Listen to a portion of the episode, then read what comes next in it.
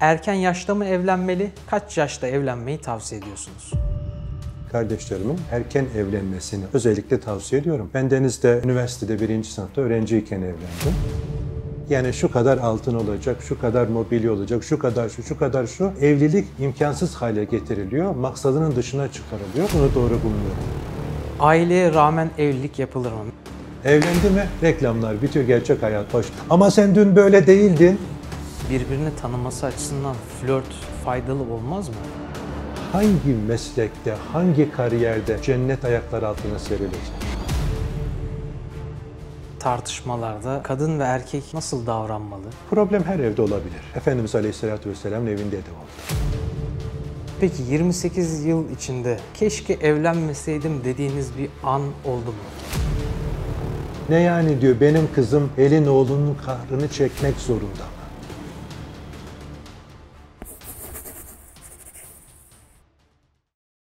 Hocam hoş geldiniz. Aslında biz hoş geldik. Biz sizin misafiriniz. Eyvallah. Bizi böyle çok güzel ağırladınız, yedirdiniz, içirdiniz. Ama bir misafirden beklenmeyecek bir şey yapıyoruz. Biz sizi şimdi bugün sıkıştıracağız. Bazı sorularımızla sizi terleteceğiz hazırsanız. Eyvallah. Sorularınızı yöneltelim. Bunlar daha önce bize gelen sorulardı. Takipçilerimizden bize yöneltilen sorulardı. Hep biz mi terleyeceğiz? Biraz da sizi terletelim. Eyvallah. Öncelikle teşekkür ediyorum. Allah razı olsun. Ta Ankara'dan buraya ziyaretimize geldiniz. Gıyaben sanal olarak tanışmalarımız Allah vicahen yüz yüze de nasip etti. Göz göze, diz dize. E, hamdolsun Rabbimize. Tabii zor sorular gerçekten terletiyor ama ben işin kolay tarafını buldum kıymetli kardeşim. Bilmediğim sorulara bilmiyorum diyebilirim. Terleyeceğim zamanlar frene basıp bilmiyorum deyip işin içine sıyrılabilirim.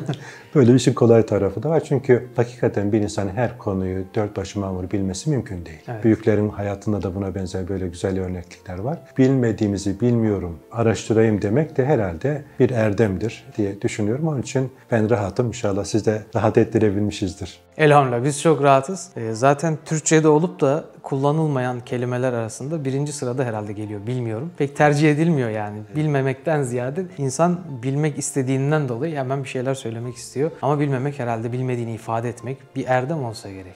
İsterseniz sorularımıza başlayalım. Pekala. İnşallah hepsine bilmiyorum demezsiniz böyle bir girişten sonra.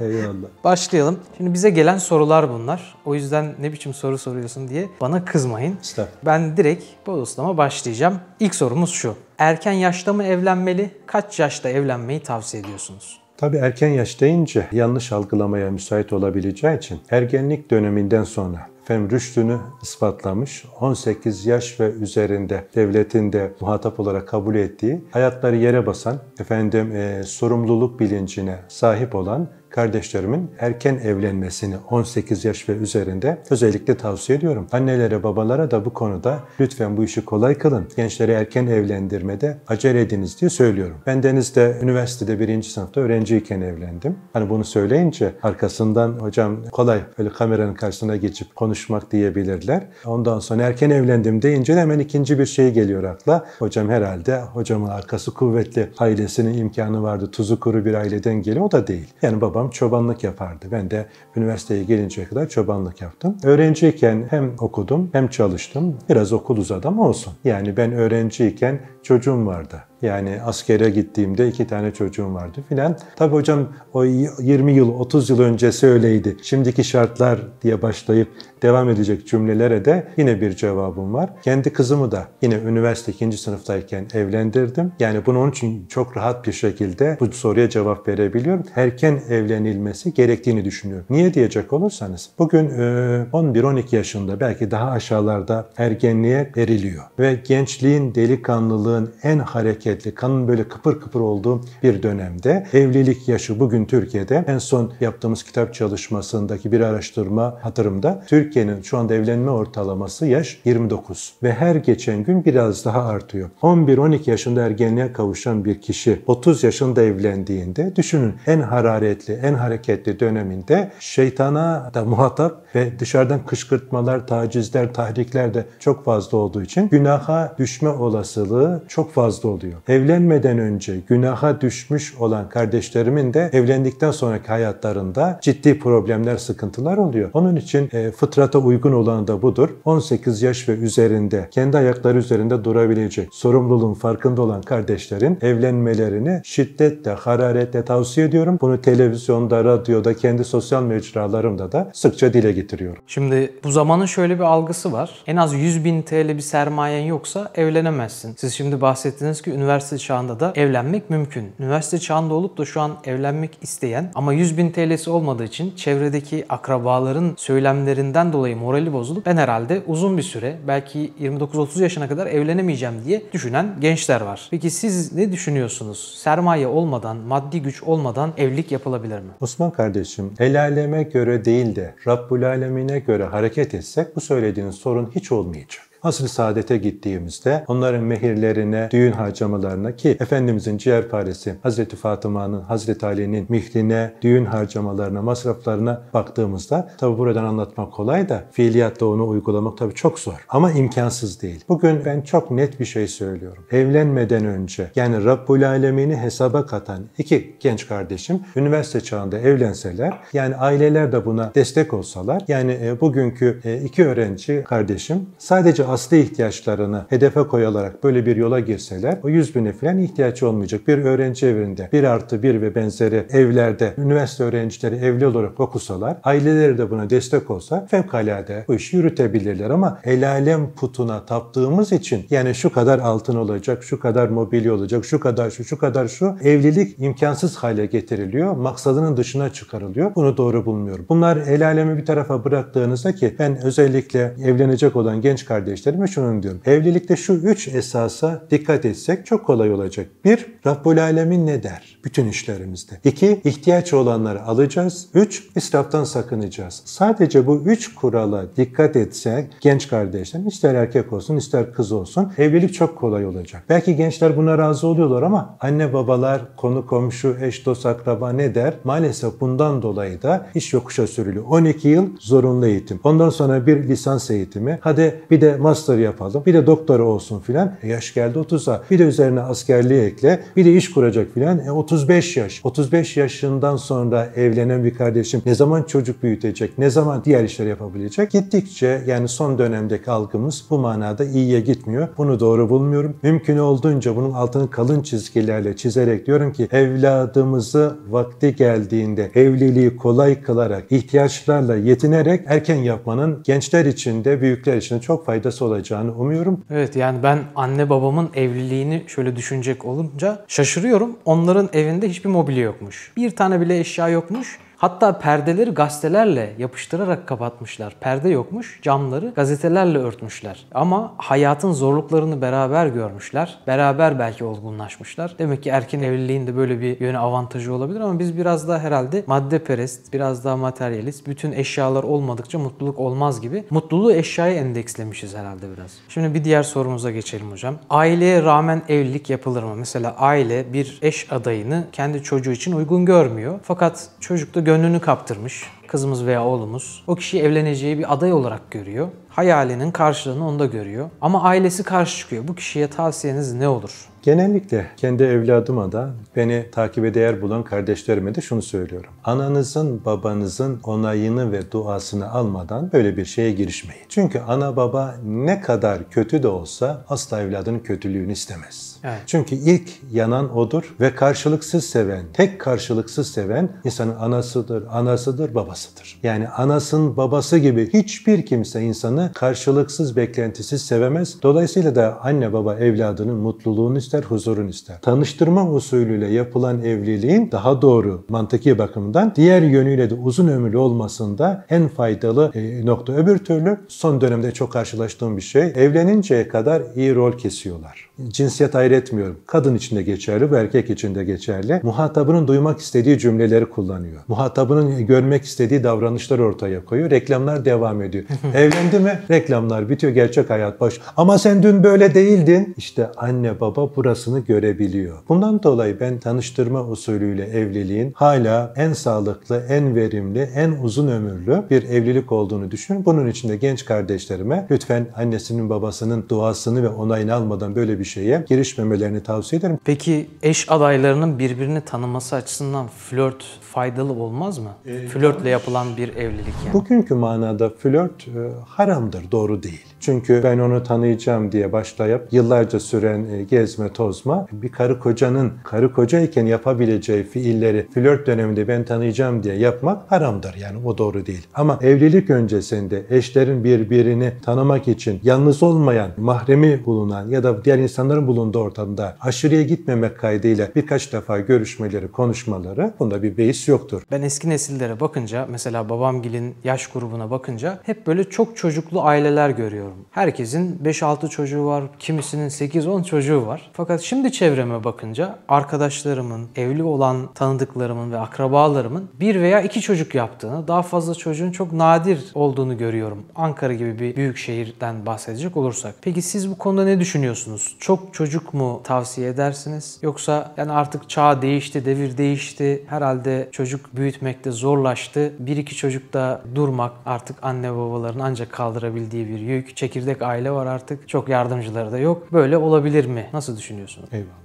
Osman kardeşim evlilikten murat Allahu Teala Hazretleri e, neslin devamını biz kullarına emanet etmiş. Biz kulları üzerinden efendim icra ediyor. Yani Allah'ın ol emrinin tecelligahıyız. Dileseydi Rabbimiz Hazreti Adem atamızda olduğu gibi yoktan var ederdi. Hazreti İsa Aleyhisselam'da olduğu gibi babasız var edebilirdi. Ama Rabbimiz bunu karı kocayla bizlere emanet etmiş. Yaratan, yarattığını en iyi bilen Rabbimiz böyle kutsal bir görevi bizlere tevdi ettiğine göre çocukların Allah'ın verdiği ölçüde fazla olmasının fıtrata uygun olan olarak düşünüyorum. Şimdi e, bir gün memleketteyim. Ben Deniz Çanakkale'li bir kardeşinizim. Bir büyüğümüz. Dedik Ahmet Hoca dedi kaç evladın var? Ben de espriyle karışık. Hocam şimdilik dört tane dedim. Ne? Dört tane? Hem de bu devirde filan. Ne oldu hocam dedim. Benim tepkimi de anlayınca. Hani dedi insan bakabileceği kadar, yetiştirebileceği kadar filan. Hocam biz rezzak olanın allah Teala olduğuna iman etmiştik. Şimdi sizin bu söylediğinizde efendim bu bağdaşıyor mu? Her rızk Allah diyorduk. Rızık Allah'a mahsustur.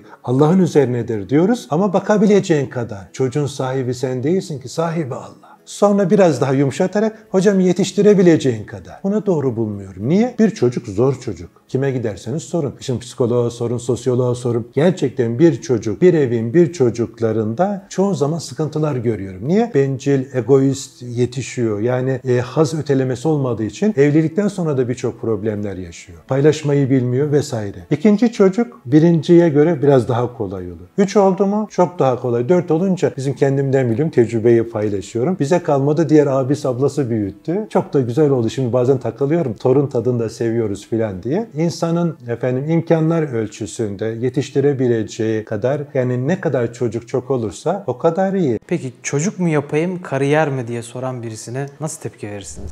Yani kariyer her zaman yapılır. Sorarım size Osman kardeşim, hangi meslekte, hangi kariyerde cennet ayaklar altına serilecek? Efendimiz Aleyhisselatü Vesselam cennet anaların ayağı altındadır diyor. Yani biz erkekler patlasak da, çatlasak da, böyle amuda kalksak, uzaya gitsek filan cennet ayağımızın altına serilmiyor. Ama analıkta seriliyor. Ve gıpta ediyorum hanım kardeşlerime bu manada. Hani Efendimiz'e soruyor, en üzerimize hak sahibi kimdir? Anandır, anandır, anandır, sonra babandır diye biz zikrediliyoruz. Dolayısıyla analık kariyere kurban edilirse yazık etmiş olur kardeşlerim. Kariyer efendim anneliğe mani değildir ama illa tercih edilmesi gerekirse önce anneliktir, babalıktır sonra kariyere devam ediniz diye tavsiye ederim kardeşlerime. Peki aile içinde eşine fazla vakit ayırmayan, işkolik veya arkadaşlarıyla vakit geçirip hanımıyla vakit geçirmeyen erkekler için ne söylersiniz? Bu konuda da sorular geliyor. Yanlış yapıyorsunuz derim. Yani yaptığınız doğru değil, kul hakkıdır. Efendimiz Aleyhisselatü Vesselam'dan daha meşgul, daha yoğun, daha işi çok olan bir kul tanımıyorum. Niye? Allah'ın peygamberiydi. Efendim devlet başkanıydı. Aynı zamanda öğretmendi. Aynı zamanda hakimdi, savcıydı, emniyet genel müdürüydü. Yani bugün toplumda icra edilen birçok faaliyetleri icra eden kişiydi. Ama o günlük hayatını üçe ayırıyordu. Efendim Rabbine ayırdığı zaman, ailesine ayırdığı zaman, ümmetine ayırdığı zaman ve bunlar hiç değişmezdi. Eğer bir seferde bir yolculukta değilse bunlar asla aksamazdı. Hatta akşamları böyle son döneminde birçok hikmete binaen Efendimizin çok evliliği var. Hanımları arasında bile akşam böyle ziyaretleri bile öyle planlıydı ki asla aksamazdı. Yani bugün bizler de eşimizi, çocuğumuzu da ihmal etmeyelim. Bazen dışarıda koşuştururken evdekileri unutup ihmal edebiliyoruz. Sonra telafisi zor, sıkıntıları da sebep olabiliyor. Biz Efendimizin yolunu izleyip evdekilerin de hakkını mutlaka vermemiz lazım. Hiç değilse mesela haftada bir günümüzü onlara ayırabiliriz. Ya da bir araya geldiğimizde akşam bir 15-20 dakika özellikle çocuklarla aktif vakit geçirmemiz lazım. Hiç unutmuyorum. Kitap çalışmalarından birini yapıyorum. O zaman evde çalışıyorum. Yaz dönemi konsantre olmak zor oluyor. Benim ufaklıkta o zaman 4-5 yaşlarında.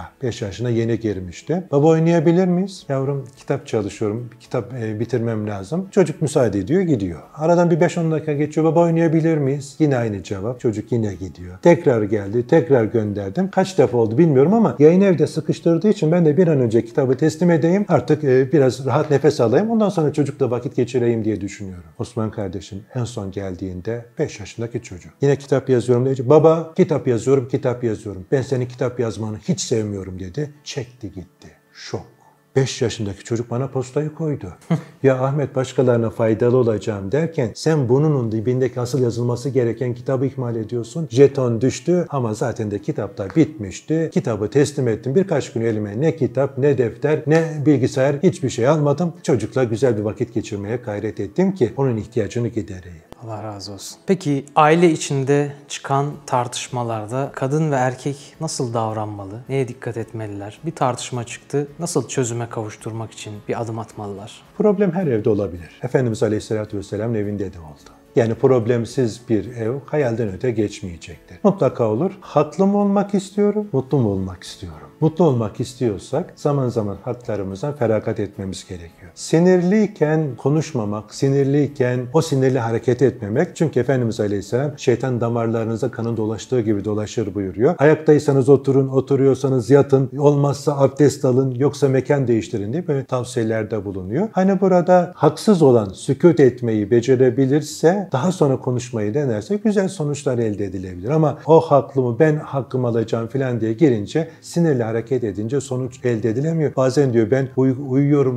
modu yapıyorum diyor arkadaşım bir tanesi. Niye dedim? Kavga iki diri arasında olur diyor. Ölüyle diri arasında kavga olmaz diyor. Eğer hanım çok böyle gerginse ben uyku moduna geçiyorum diyor. Bak bak yine uyudu filan. Biraz diyor sinirleniyor. Ondan sonra geçiyor. Sosyal medyada da paylaştım. Bir arkadaş anlatıyor. Karı koca iyice böyle bu manada sıkıntıya düşmüşler de sonunda sözüne güvendikleri bir büyüğü ziyarete gidiyorlar. Hocam böyle problemimiz var. Anlaşamıyoruz bununla filan. Ben diyor size bir muska yazacağım diyor. Onlar da ciddi almışlar muskaya yazacak diye. Yarın göndereceğim size diyor. Ertesi günü şöyle bir e, paket gönderiyor. Paketi heyecanla bir açıyorlar ki Allah'ın dediği olur yazıyor. Hani benim dediğim olacak, senin dediğin olacak. Hayır. Evinizde Allah'ın dediği olursa bu müşküllerin çoğu halledilmiş olur. Allah'ın dediği olmazsa şeytan orada iktidar olur ki şeytanın olduğu yerde de kavga, gürültü, patırtı olur. Allah muhafaza. Evlilik tarihinizi hatırlıyor musunuz hocam günüyle? Hatırlıyorum. Nedir acaba? Ay, gün olarak değil de tarih olarak hatırlıyorum. Bu günlerden de bizim hafta sonuydu. Ee, 15 Eylül'de evlendik. 1993. Kaç yıldır evlisiniz yani hocam? 93'ten bu yana 28 yıl oluyor herhalde. Peki 28 yıl içinde keşke evlenmeseydim dediğiniz bir an oldu mu? Şu an belki evli olup da öyle bir süreçten geçen birileri olabilir. Olmaz? Yani o tünelin sonunda ışık var mı? O yaşadıkları problemin neticesi hayra dönebilir mi? Tekrar mutluluk yaşayabilirler Şöyle? Osman kardeşim yani her evde kavga olabilir. Değişik dozlarda, şiddetlerde olabilir. Ama az önce de söylemeye çalıştım. Böyle bir durumda Rabbimize sığınıp serin kanlılıkla hareket etmekte, en iyi hareket etmek en doğrusu doğrusudur. Mümkün olduğunca da aile içinde, çekirdek ailede efendim ufak tefek tartışmaları asla büyüklere taşımamalı. Büyükler işin içine girince benim oğlum, benim kızım giriyor. Ondan sonra her iki tarafta kendisinin haklılığını ispatlamaya girişiyor. Kördüğüm haline dönüşebiliyor. Ufak tefek meseleleri aileler kendi arasında konuşarak, gerektiğinde tartışarak işin içinden çıkamıyorsa bu konuda uzman birisinden destek alarak çözmeliler. Bu manada ben şanslıyım. Yani şansım ta kayınvalideye dayanıyor. Kayınvalidem hep kızına nasihat etti. Aman ha kızım kocana hizmette, itaatte kusur etme. Ben bunun çok faydasını gördüm.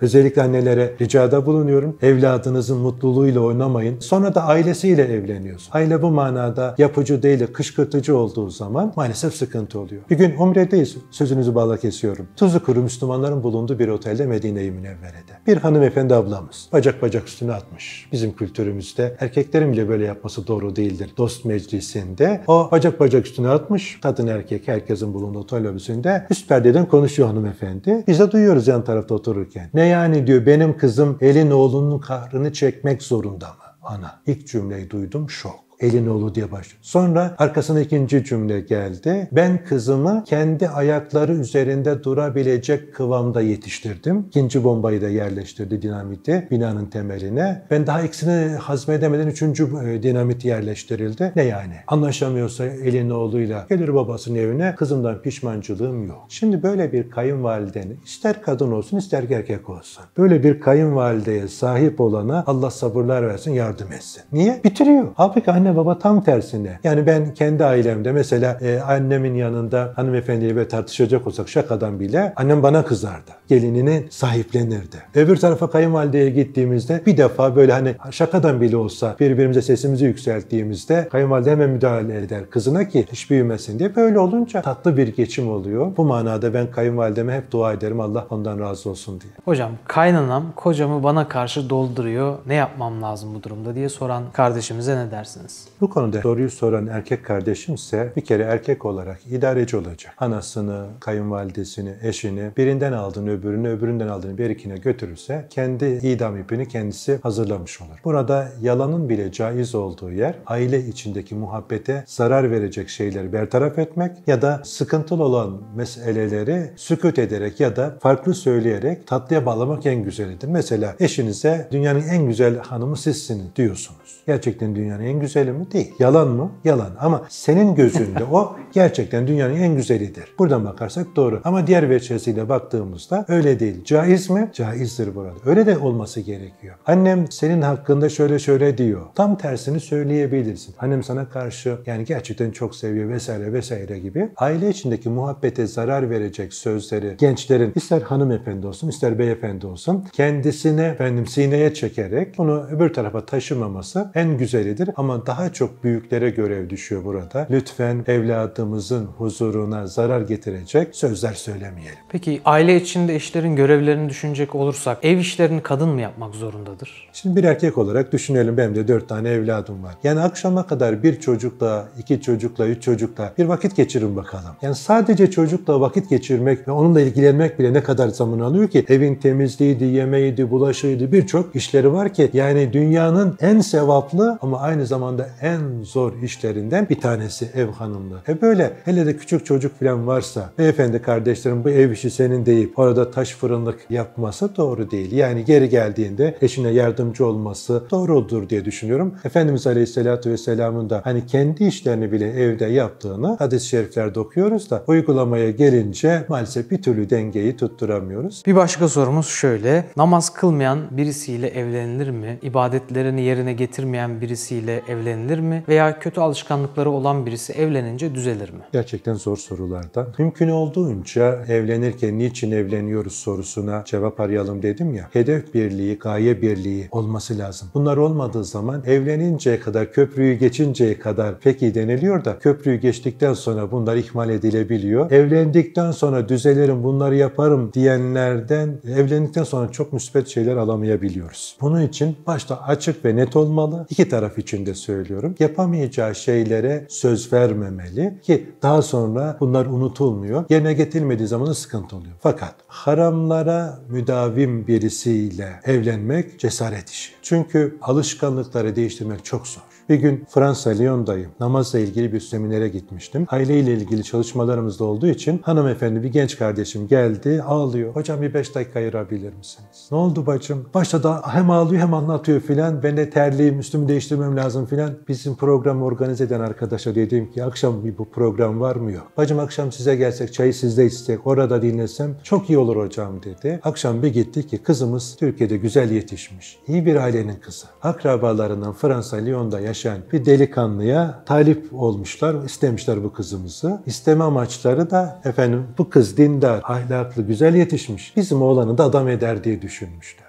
Hocam diyor, anacığım sabret diyor. Kayınvalidem diyor kızım sık dişini başaracağız diyor. Hocam ne sıkacak diş kaldı ne sabrım kaldı. Eşimde alkol var, uyuşturucu var, zina var. Saydı saydı. Bir yıl oldu. Evladımız olalı daha yüzünü görmedi. Bir başka hanımla yaşıyor. Anacığım sabret diyor. Kayınvalide sık dişini diyor. Hocam ben ne yapacağım? Ben yandım. Başkaları yanmasın diye böyle iki göz iki çeşme ağlıyordu. Yüreğim parçalandı. Şimdi bunu duyunca aynı şey benim kızım olsaydı ne yapardı filan. Başka örnekler de var bu manada. Dolayısıyla sonra değişir, çok değişmeyebiliyor. Baştan iyi konuşmalı. Namaza gelince, namazı çok önemsiyorum. Günde beş defa. Allah bizi çağırıyor. Günde beş defa Rabbinin çağrısına cevap vermeyen, Allah'ın davetine icabet etmeyen bizi ne kadar dikkat alabilir? Allah'a karşı bu kadar sorumsuz ve duyarsız olan, eşine karşı ne kadar sorumlu ve duyarlı olabilir? Onun için evlilikte namazı önemsiyorum. Diğer vazifelere karşı hassasiyet bakımından yalanı da önemsiyorum. Ahlaki durumunu tespit etmek bakımından. Bugün maalesef yüzü kızarmadan insanlar yalan söyleyebiliyor. Bir de yalana renk bulmuşlar. Beyaz yalan, yeşil yalan, kırmızı yalan filan. Yalanla iman bir arada bulunmaz buyuran sevgili peygamberimizin ümmeti yalanı peynir ekmek yer gibi yiyor ki bu asla doğru değil. Onun için baştan aynı hedefe odaklanan kişileri tercih etmek, böyle risk almamak çok daha doğrudur. Peki hocam ailenin zorladığı biriyle kişi çok istemese de evlenmesini nasıl görürsünüz? Doğru yani? değil. Aynı şey Efendimiz Aleyhisselam döneminde olmuş. Birisi zorla kızını evlendirmek istiyor. Kızı da gelmiş Efendimiz'e soruyor. Ya Resulallah istemediğim halde babam zorla amcamın kızıyla evlendirmek istiyor. Ne buyurursun? Çağır babanı gelsin diyor. Babası geldiğinde kızım böyle böyle diyor. Doğru mu? Evet ya Resulallah diyor kızın istemediği halde zorla kardeşinin çocuğuyla evlendiremezsin diye Efendimiz noktayı koymuş. Bu kadar açık ve net. Anneye babaya bu konuda itaat farz değil yani. Değil. Çünkü annenin babanın teklifi önemli ama gençlerin kalplerinin ısınması, bugünkü tabirle elektrik almaları da önemli.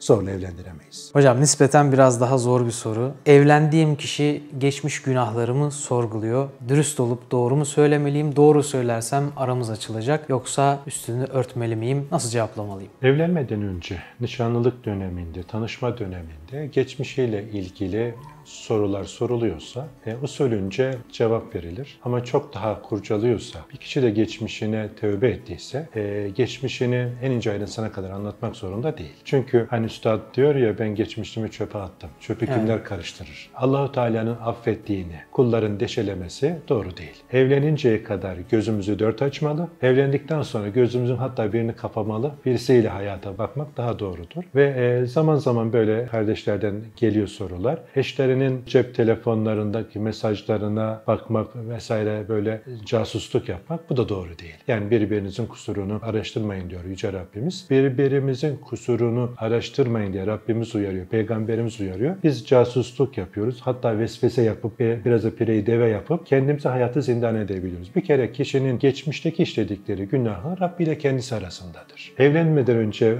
söylenmesi gerekenleri söyler ama söylenmemesi gerekenler noktasında çok fazla üzerinde durulması doğru değil. Hele evlendikten sonra bunları kurcalamak filan asla doğru şeyler değil. Bunların o şekilde üzerinde durulması yanlış diye düşünüyorum. Eşler de aile içerisindeki huzuru bozmamak adına bu konuda uygun şeyler söylemesi herhalde doğru olacaktır. Gelelim son sorumuza. Şimdi bazı eşler evlilik sürecinden sonra hidayete erebiliyorlar. Fakat eşleri kendileriyle aynı çizgide olmayabiliyor. Hidayete gelen kardeşimiz eşini ibadetlerine uyması noktasında ikaz ediyor ediyor. Fakat ikaz edince mesela onu namaza çağırınca eşi bağırıp çağırmaya başlıyor ve araları bozuluyor. Namaza kaldırmasam sabah namazına veya başka zamanda namaza teşvik etmesem aramız iyi. Ama bu sefer o ibadetsiz kalıyor. Namaza çağırsam aramız bozuluyor, huzurumuz kaçıyor. Ben ne yapmalıyım diye soruyor kardeşimiz. Eyvallah. Bununla ilgili yazar kardeşlerimden birinin güzel bir hatırası var. Severek beğenerek evlendim. Aşkın gözü kördür derler. Manevi yönünde ihmal etmişim diyor.